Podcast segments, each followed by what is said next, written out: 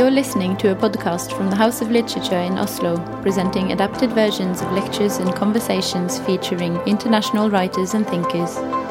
You can find more information about the house and our events on our website.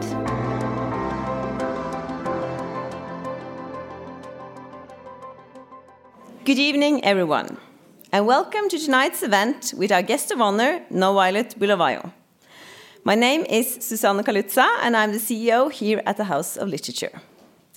Bulawayo has written two critically acclaimed and award winning novels We Need New Names, translated to Norwegian by Ina Vassbotn Steinmann, and Glory, translated by Bente Klinge.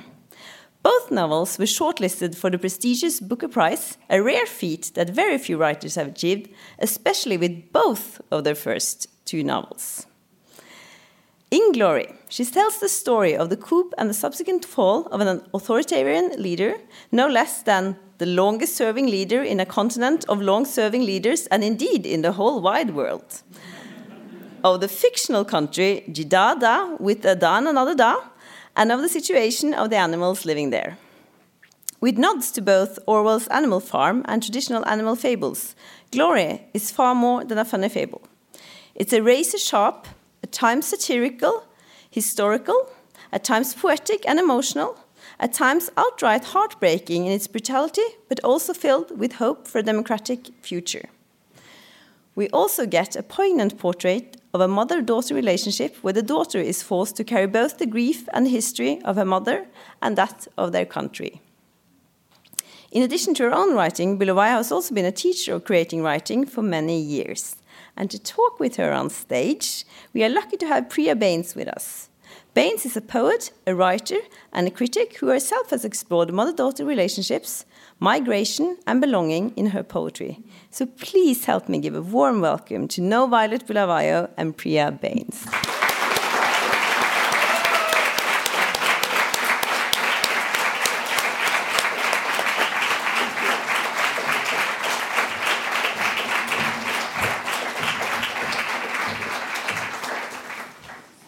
Hi, everyone. Good evening. and hello, and welcome to you, no Thank Violet. you, thank you. I'm very glad to be speaking to you and that you're here. Thank you for having me. Yeah. And greetings to my Zimbabwean family in the house. Thank you for coming. I think maybe we should start off with some reading, just Absolutely. so that everyone is on the same page, literally. Okay. So I'll read from the very beginning of, uh, of the novel. Just a section, two sections. This is during uh, a rally in which the father of the nation, the president, has just um, arrived. Behold him. Yes, Tholukuthi him and only him himself, the anointed one, the only one, the supreme one, the most magnificent one. With the arrival of His Excellency, Jidada Square came alive. Tholukuthi, the father of the nation, had such an aura his mere presence in any space automatically rearranged the atoms in the air and shifted any given mood, no matter how hostile or dismal or foul, to a positive and electric one. Those who know about things say this quality had especially been a dozenfold more potent a long, long time ago, during the first years of His Excellency's rule when his appearance alone made unripe things instantly ripen to the point of rotting, cured the sick of whatever ailments molested them, turned rocks to mush, deactivated storms and heat waves, rerouted floods, wildfires, and plagues of locusts, cured fatal viruses before they even thought of attacking, made dry rivers overflow with water. Yes, Tholukuthi, the father of the nation's appearance alone, had once upon a time started engines, bent steel beams, and in separate documented occasions, made scores and scores of virgins pregnant, so that long before he married the donkey and sired children with her, streams of His Excellency's blood were already flowing throughout Jidada. And now, here was the father of the nation lighting up Jidada Square by merely happening, by simply being there. The place ignited in flaming applause, and even the animals who not too long before had been trying to leave were now part of the uproar, standing on hind legs and cheering His Excellency, not just with their voices and bodies, no, but also with their hearts and minds and souls. Cows mooed, cats mewed, sheep bleated, bulls bellowed, ducks quacked, donkeys brayed, goats bleated, horses neighed, pigs grunted, Chickens clucked, peacocks screamed, and geese cackled, the cacophony reaching deafening levels as the entourage of power came to a final stop in front of a raised platform. The poor and the rich do not play together. Under a sprawling white tent sat the seat of power inner circle of the Jidada party, which of course was the ruling party, otherwise known as the Party of Power, of which His Excellency was president. With them were some of His Excellency's family members, friends, and honored guests. Tholukuthi, the, the group of elites were, in all honesty and jealous down, a magnificent sight, the most exquisite cloth, expensive jewelry, and precious accessories of adornment, together with beautiful, well groomed, and healthy bodies, told of wealth and good living. These animals represented some of Jidada's chosen ones and were indeed proof of the father of the nation's benevolence, for most of them had been made rich by His Excellency, if not directly, then through some kind of connection to him. They were proud recipients of gifts of land, businesses, tenders, government loans that did need repaying, inheritors of confiscated farms, grantees of mines, industries, and all kinds of riches. With not much to occupy them, being that the celebrations hadn't started, the miserable animals in the sun feasted on the chosen with coveting eyes, and at moments actually forgot the heat cooking their bodies, the hunger gnawing at their bellies, the thirst parching their throats. Yes, Tholukuthi besotted with the pretty picture of their shaded betters sitting in comfortable chairs and sipping cold beverages. The hot, salivating animals leapt at the sight like it were a cool glass of honey wine, and when they licked their dry, cracked lips, they were pleasantly surprised to taste the faint traces of actual sweetness. I think that's it.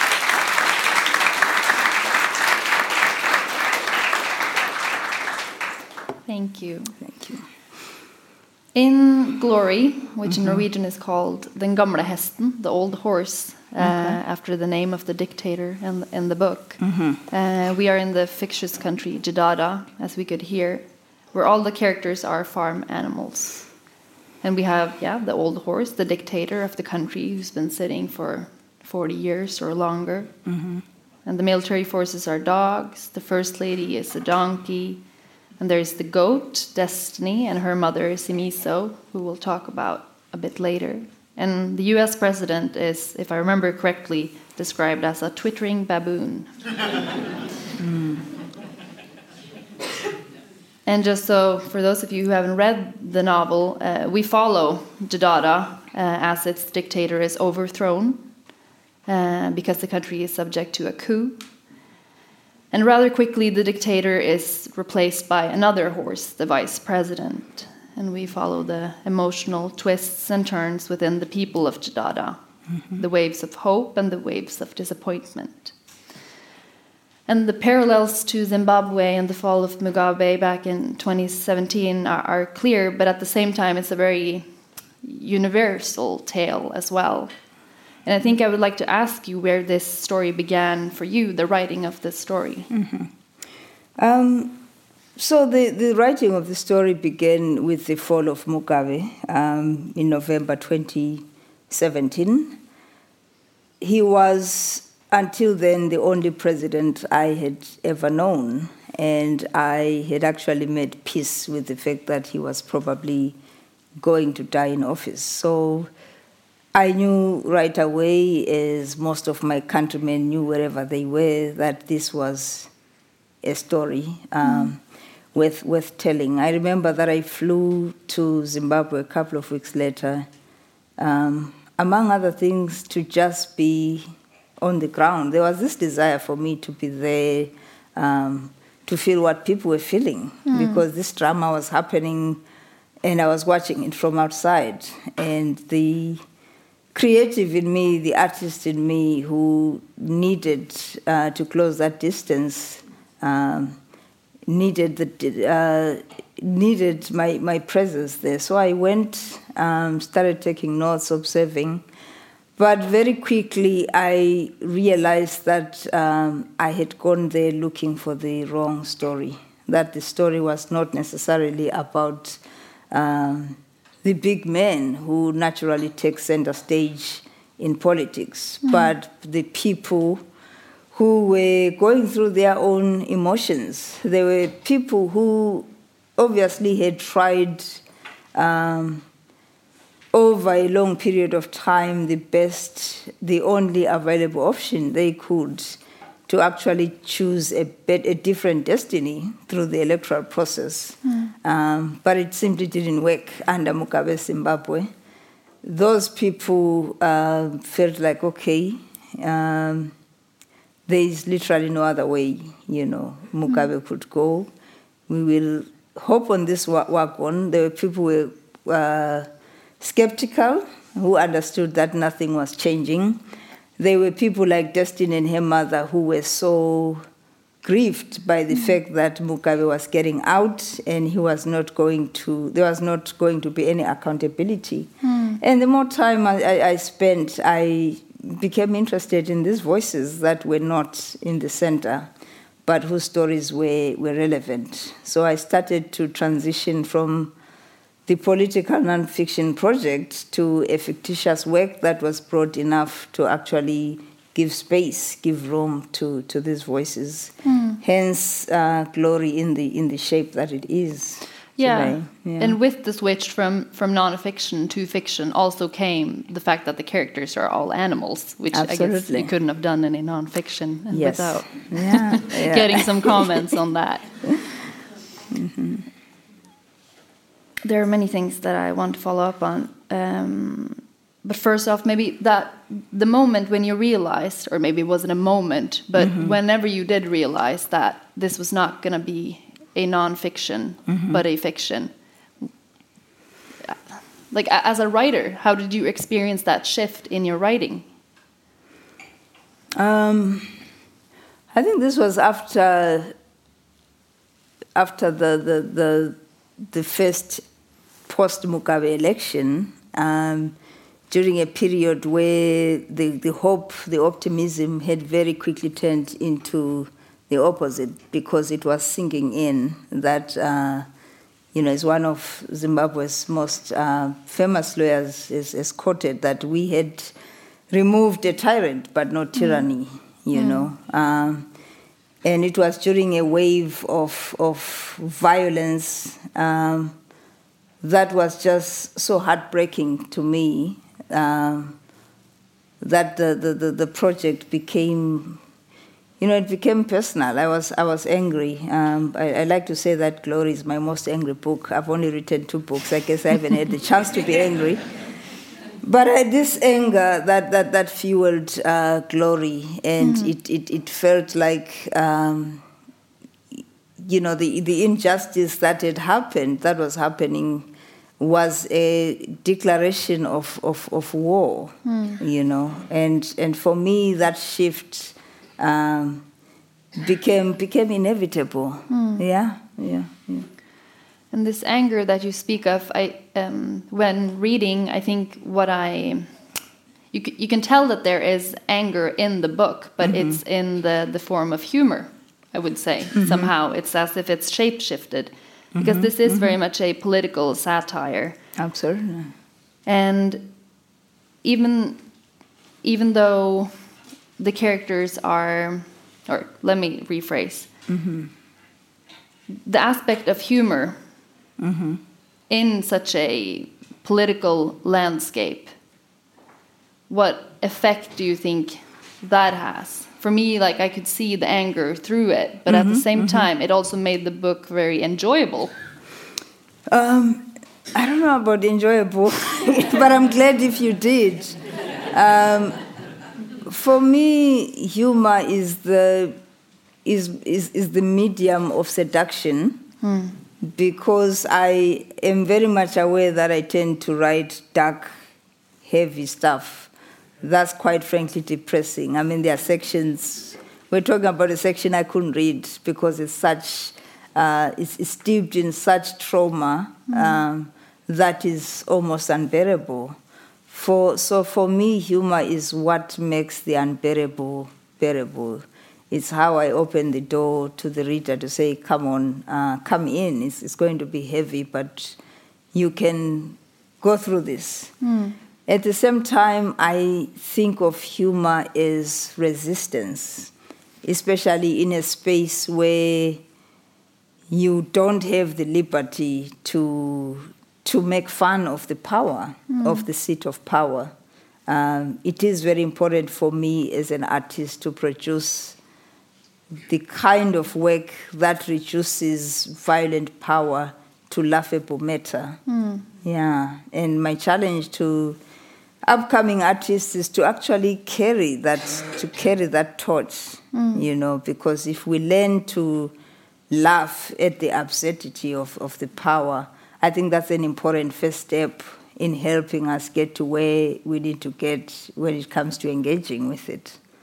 Because we put, uh, we place some of these people on such uh, pedestals that they don't necessarily deserve because of who they are. But what happens if you take them off through through humor and you see them for what they are? Yeah, and there's this great section where the vice president, who becomes the, the president after a while, uh, he he's talking to Siri on the iPhone, Yes, and he has this sort of like erotic relationship to Siri, yes, yes, which yeah. is what I meant by enjoyable.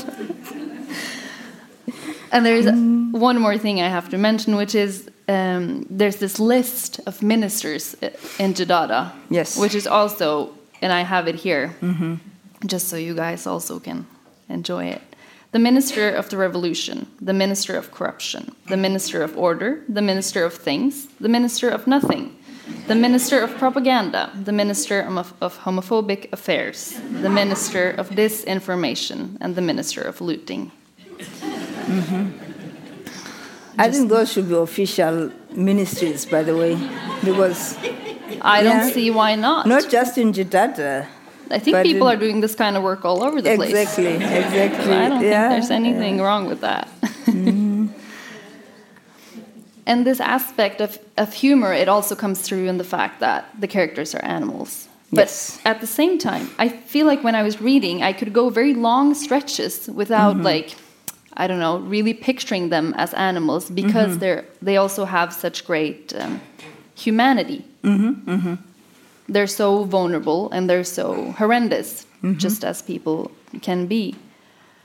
But I think I um, that also m- makes me want to ask you where did the idea of making them animals come from? Okay.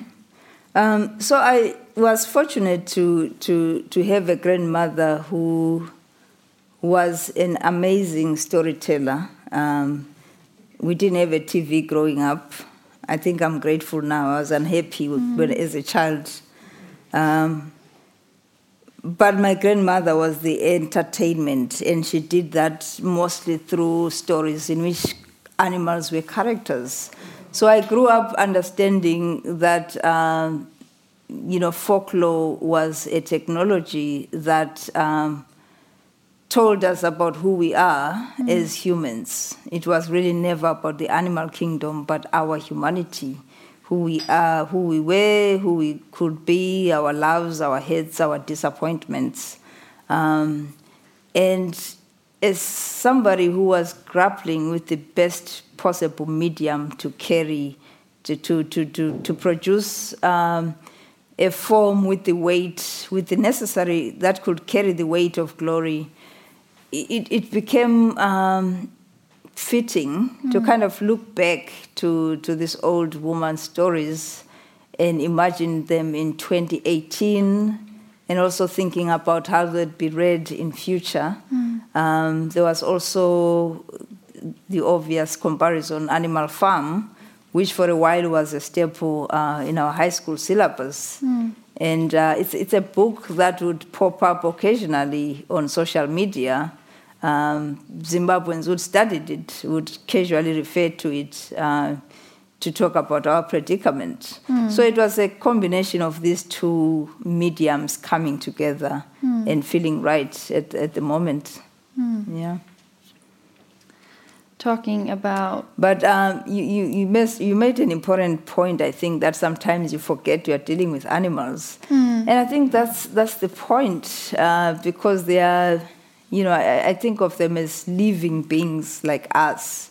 You know, there is no hierarchy, at least in my imagination. Uh, there's no reason why I cannot follow and believe a story about a horse or a baboon, you know, uh, because at the core of it, as I said, it's, it's a story about, about about us, about our world. Yeah, yeah. No, definitely, Uh, but it it's not to say that it doesn't matter that they're animals because I think the fact that Destiny is a goat Yes. for me. A goat is very different from a horse. Now I'm saying very Ab- simple stuff on stage here, but Yeah, yeah, yeah. it does give them character. Uh-huh.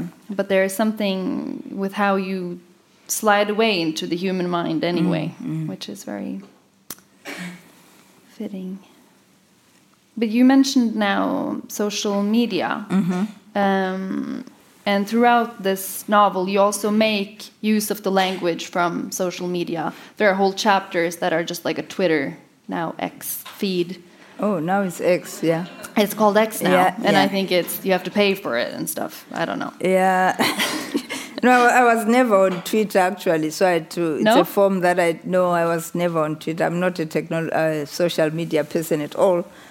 But when it came to researching for glory, I you know I realized that to connect with with with my people, I needed to go, you know, where they were. So I read uh, Twitter uh, threads. I was on social. I mean, I was on Facebook.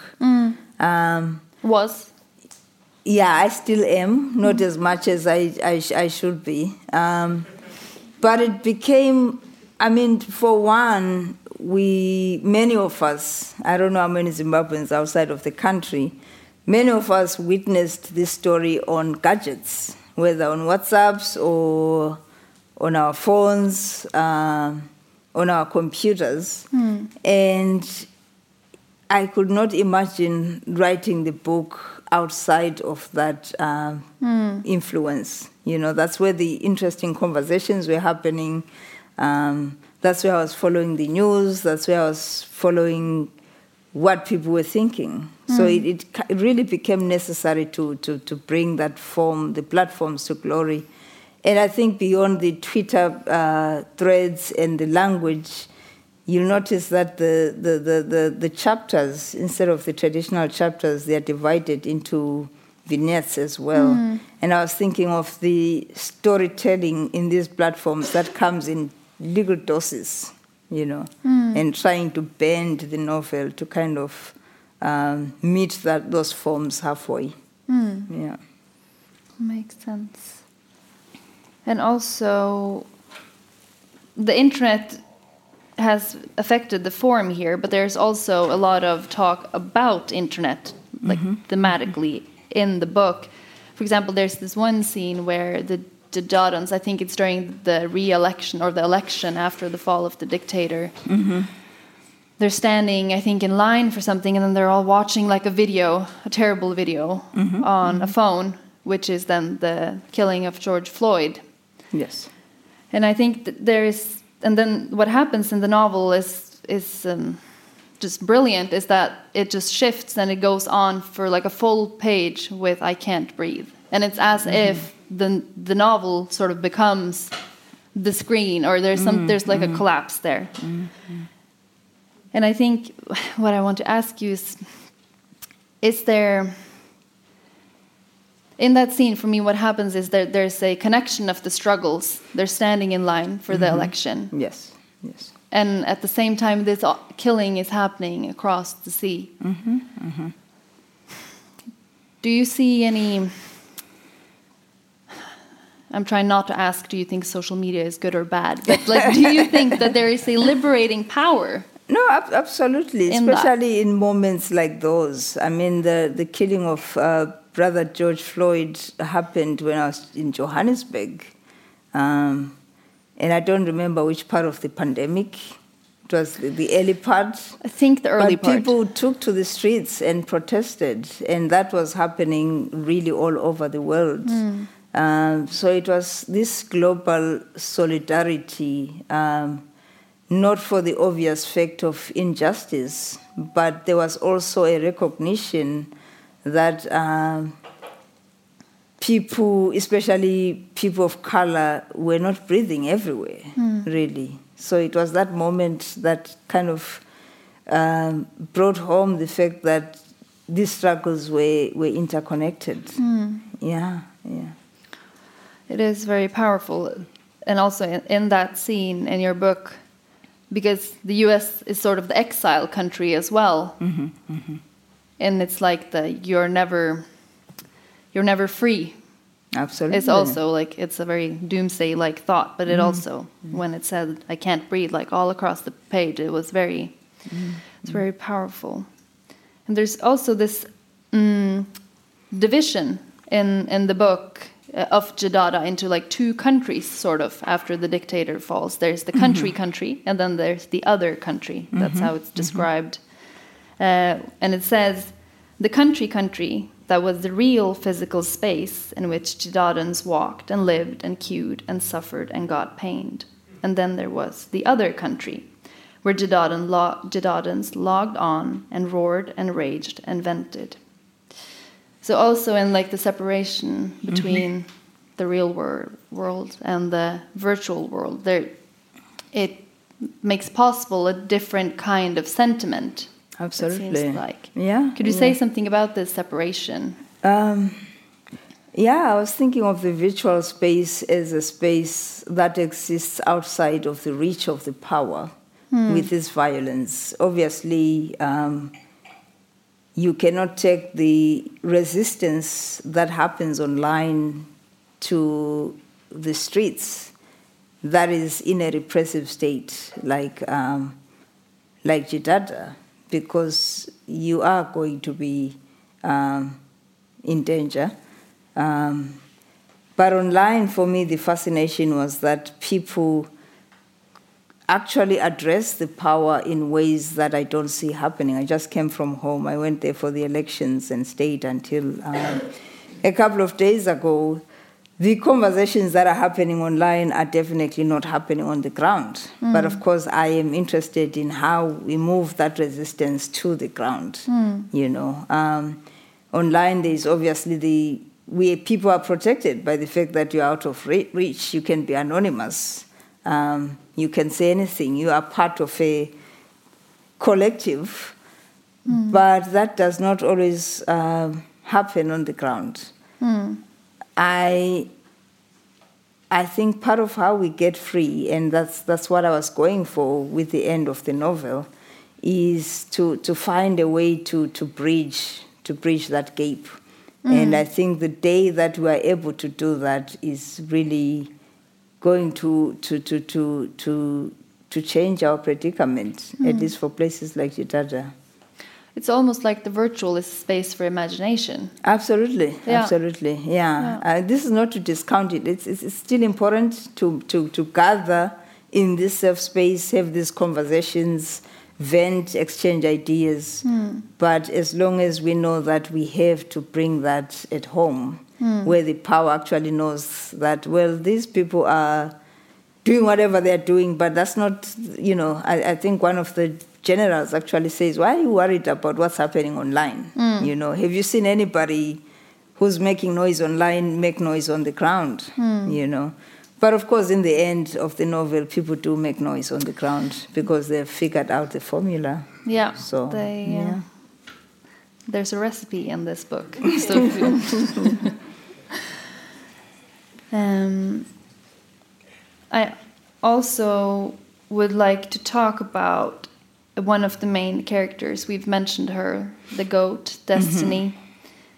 Um, and her narrative in, in this novel is for me sort of an extension of, of your debut novel, We Need New Names, which I also very highly recommend. It's a beautiful, beautiful story. Maybe you want to read for us here from Okay. from when Destiny arrives. Yes, yes. Do you have After the page number by any chance? I have 139. 139. Yeah. Okay. Just the first section. Yeah. I think that's good. Brittany, lone goat lugging a purple hard shell suitcase. This is actually my aunt's suitcase. and it's a, it's a long story, but she was just asking me about it. Okay. Um, she wanted it back. she wants it back. She's in, she's in Michigan, the suitcase is in Texas, but she thinks it's in, it's in Zimbabwe because she left it in Zimbabwe. Uh, she doesn't understand why it's in, it's, it's in. I mean, if I brought it to the U.S., why I didn't bring it to Michigan? So Okay. it's yeah. So you it's haven't a told. bit of yeah, it's a bit of drama, but lone goat lugging a purple hard shell suitcase.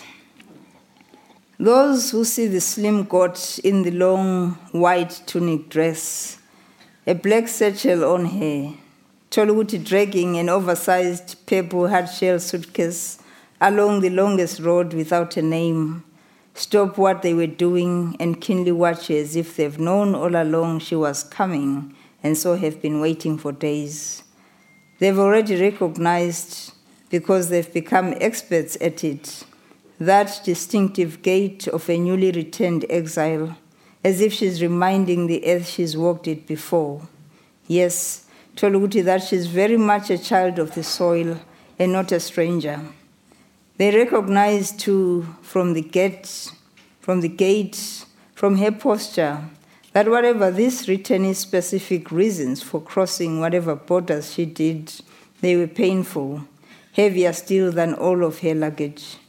But while they've become experts on returnees, the residents of Lozikeyi still can't know everything there is to know.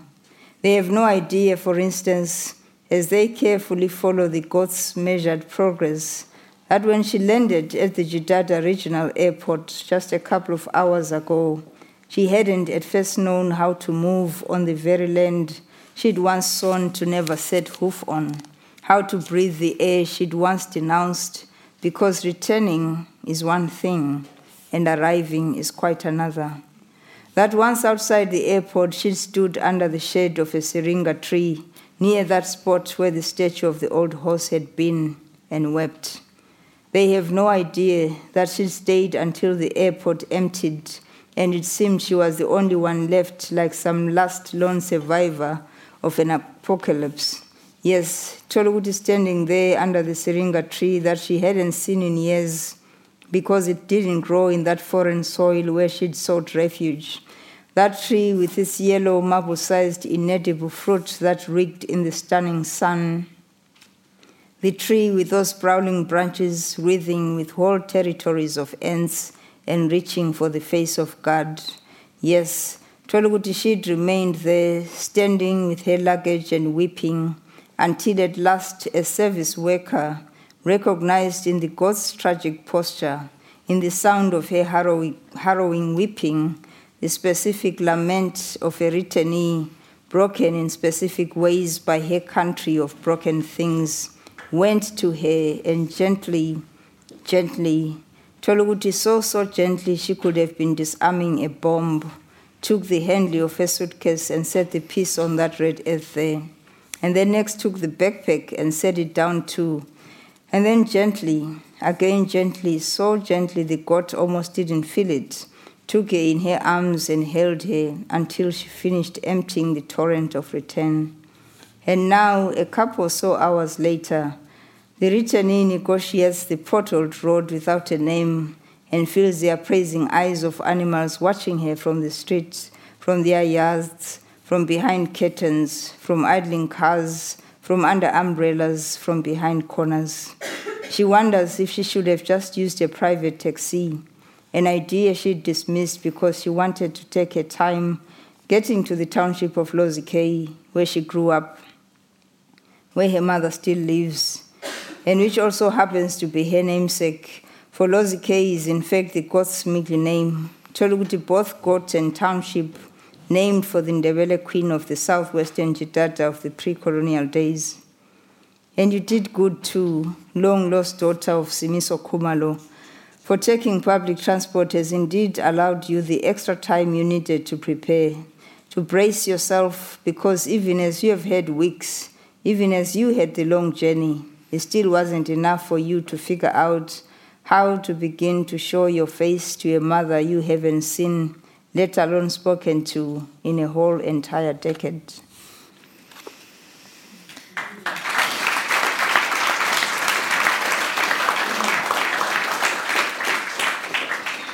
Thank you. The, the story of, of Destiny and Simiso is maybe what happens sort of in the foreground, if that's mm -hmm. at least how, when I was reading the story. You have the fall of the dictator, you have the political upheaval, you have the re election, you have the mm -hmm. corruption, all of this is happening. Mm -hmm, and then comes Destiny with her suitcase. Could you maybe tell a little bit about the story about Destiny and her, well, Destiny. Yeah, so Destiny is, uh, this is the first time we're seeing her. Uh, she's returning from exile. She left Jidada about 10 years before um, during a wave of violence in which um, she typically, I mean, she in which she actually broke up, decided to be done with her country. But as most uh, migrants will, will tell you, migrants who are seeking shelter for all kinds of reasons will tell you that the world has become um, inhabitable of, of late. So she's part of that wave of migrants who lives in search of better. Um, but is forced to make the journey back mm. because she's a, she's unable to find uh, refuge. So it is not a voluntary return.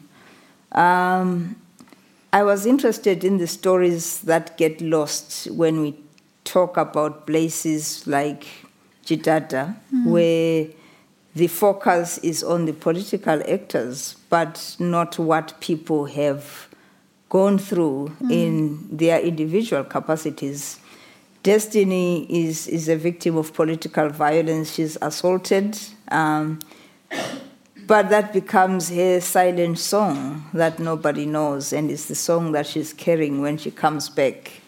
Um, unfortunately for her, she comes back to discover that her mother has her own silent song as well. So mm. it's, a, it's a story of homecoming, of confronting history, um, untold stories, but also it's a story of, of unsilencing, of empowerment, mm. because through the mother and daughter sort of connecting through their untold trauma and giving voice to what they have both carried silently um, for years and years. And in the case of Simiso, for, for decades, there becomes uh, born sort of a, a power, a movement that transcends both mother and daughter to actually start to affect the, the whole nation. Mm. And the seed that actually changes the story of Jidada is born through the mother and daughter actually grappling with their, with their past.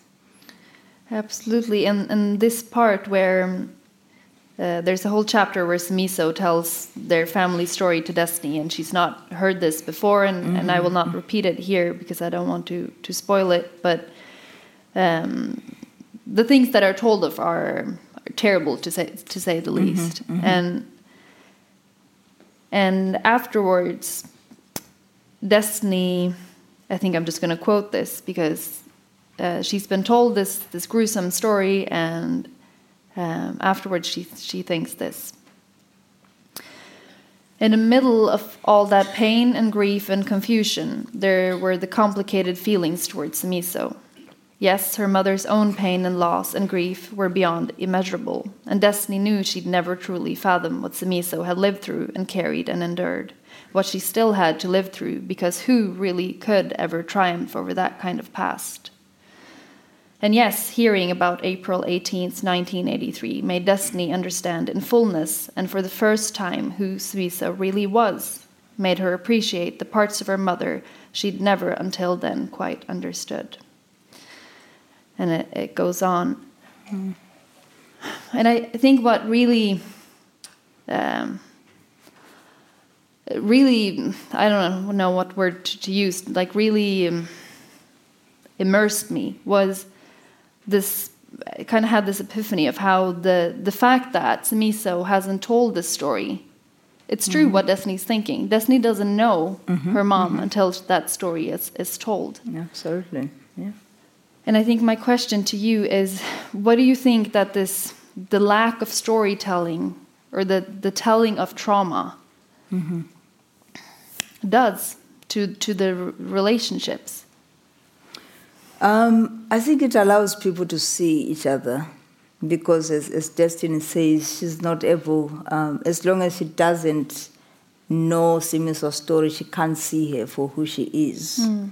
Um, and it's only that it's only when that story is told that she's able to to do so and by extension um, the mother is also able to see her, her daughter that way and because of this this gift destiny is actually able to translate it she, she puts that story down mm. and you remember that she shares it in this rally that is in contrast to the rally at the opening of the, of the, of the, of the novel, in the sense that people are, the moment that they hear the year 1983, because it's such a recognizable year for people who have gone through this wave of violence.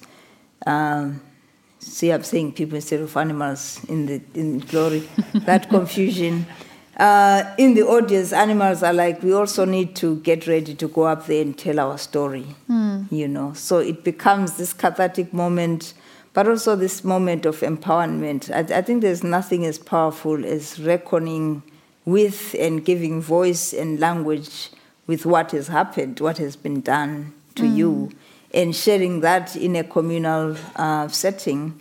You remember that shortly after. Um, people actually gather in this township, and there's that night of storytelling mm. where they are now talking about how they have been participants in their own oppression by supporting the regime, by standing aside and watching all kinds of violences being uh, perpetrated on their fellow Jidadans. Mm. So it's, it's, again, it's that storytelling, that sharing, just that. Mm. That um, brings a new day the next morning because after that night something clicks in, in the imaginations and hearts of the Jidadans and they are able to, to change the course of their lives after that. Yeah, it's like mm.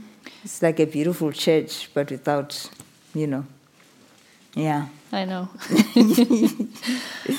yeah, it really is a sort of uh, turning point. Absolutely. Uh, yeah. And yeah. it does really, as you just said, turn into a more um, hopeful kind of story mm -hmm, to towards mm -hmm. the end.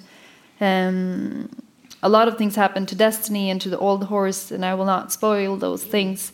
Um, but I do want to ask you: Was it important to you to write a hopeful ending?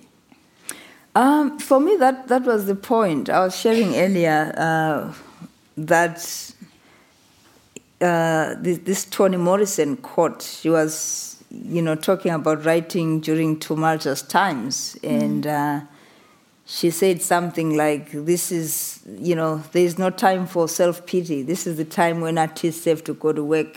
Mm. Um, you know, we, we do language. That is how civilizations heal." So I was interested in contributing to that conversation of, of healing. Mm. And I remember it was during that time when I um, I live in Bulawayo when I'm in Bulawayo.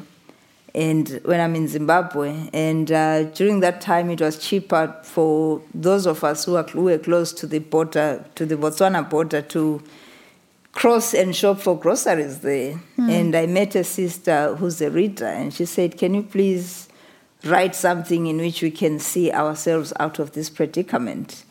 And to hear somebody have such faith in the power of storytelling, in the power of literature, um, was so it, it really did something. It, it was a, it became both a challenge and a prayer for me um, that it became impossible not to end glory on such a hopeful note. You know, the, the book is dedicated to all Jidadans everywhere because I'm, I'm aware that tyranny is not a Zimbabwean predicament. There are so many countries all over the world. It's like it's a trend, um, and that, that ending is for is for them too. W- What authors have been been this for you? Have written these stories? Um, You mentioned Toni Morrison. Toni Morrison, yes, at, at home, because it, be, it always begins at home for me. Um, Tsitsi Dangarembga, for instance, uh, Yvonne Vera. Uh, outside, uh, Nguki Wathiongo's work has been important. Uh, James Baldwin has been important. Uh, Edwidge Danticat, Mario Vargas Llosa. Hmm. It's, it's a whole boatload. Yeah. But the reality is that, I mean, the, the thing is that it's, it's, it's stories and storytelling hmm. um, that have shown me the power. And I think I, I write because of, of, of the possibilities that I, I, I, I saw in, this, in these writers and their, and their works. Hmm. Yeah, possibilities of a better world, yeah. Yeah, and towards the, the end of, of Glory, there is this line No, since her visit to Bulawayo, since she sat down to write, she had chosen not to be afraid. This is her way of rising above the past, of putting together that which was broken. This is her way of dreaming the future.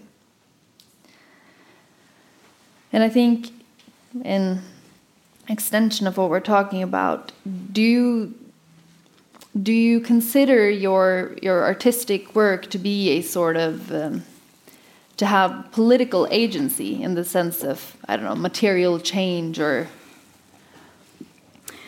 You know, it's, it's impossible for me not to write without that drive. Um, I mean, Glory came because the Times demanded of me to produce a work with political agency. But that said, I'm, I'm aware that I'm only part of the conversation. Uh, the other part of the conversation comes from a reader actually picking the book and reading it and speaking back, however way uh, that, that happens. So it's, it's, it's really a two-way street, and I feel like I'm, I'm doing my part, I've done my part, and it is my hope that um, Glory gets in the hands of, of people who need to read it. Yeah. I think there are a lot of people here who will read it at least. Mm, we were talking earlier before we went on stage that you're um, heading back to the US after not having been there for some years, and you're um, gonna pick up teaching again. And I'm always like interested when I meet uh, an author who's also a teacher how their teaching practice works with their with their writing because I I don't know I have this vision of teaching being a, such a, a hopeful profession somehow delivering it but I have never taught anything as you can hear but how does those two No, correlate it's, it's hopeful. I mean, I'm thinking of the fact that part of we are, we're in trouble, um, not because the world is being run by uneducated people. They were in different, you know, they've been to school. So I'm hopeful, but I'm also cautiously hopeful. For me, it's it's really um, personal. It's about giving back, remembering that once upon a time I was a student. Uh, taking my first creative writing class, and that began what for me turned into a career. You know, I, I, I doubt I would have written without sitting in that class and meeting those teachers who actually taught me how to face the page every day and how to read. So it's about uh, sharing that love of literature, reading with my students, um, sharing and discussing stories stories that that matter. Yeah, so it's it's a it's a small uh, it's a small hope, but I always leave it in the hands of the students. So yeah. Absolutely. Mm-hmm. And We Need New Names came out about 10 years ago, is that correct? It doesn't feel like. No? I have a sister, I, I don't even think that woman read We Need New Names, but for the past 10 years, she's been like, What are you doing? You know? other people other people have written three, four books, and you're still. I was not about to book So- shame you. That was not where I was headed. I was gonna say that. no, I, I know. It's been about mm-hmm. 10 years or so. Mm-hmm. This came out not too long ago, Glory. Mm-hmm, Where are you headed next? to, to teach. no, I, I, I have no idea. I, li- I like for my stories to, to find me, hmm. to, to, to come to me. Um, that way I feel like I'm, I'm producing work that I'm supposed to, to produce. What does that mean that it comes to you? Uh, well, I mean, I, I talked about the origin of glory. Uh, that it just this event happened, and it, it, I found myself having to respond somehow, and I responded through glory. So I'm, I, I think, and I hope that whatever I do comes to me that way, instead of me sitting down and saying, "Okay, what do I need to write next?" Yeah. Is that a political necessity, a spiritual necessity? Uh, spiritual, Yeah. really, more than anything. For Yeah. me, the work is, is, is spiritual. Yeah. I think maybe we'll leave it at that because we don't have much more time. Yeah. Thank you so very you. much, everybody. Read her books.